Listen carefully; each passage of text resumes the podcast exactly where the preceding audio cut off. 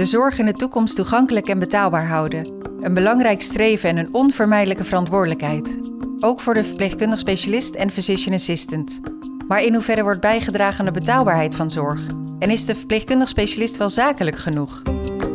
Mijn naam is Andrea van den Dol, collega en host van de Verpleegkundig Specialist podcast. En in de derde aflevering praat ik over dit onderwerp met collega en jurist Alienne van Goor. We moeten echt met elkaar aan de slag om, om die zorg betaalbaar en toegankelijk te houden. We zitten nu op ongeveer 100 miljard.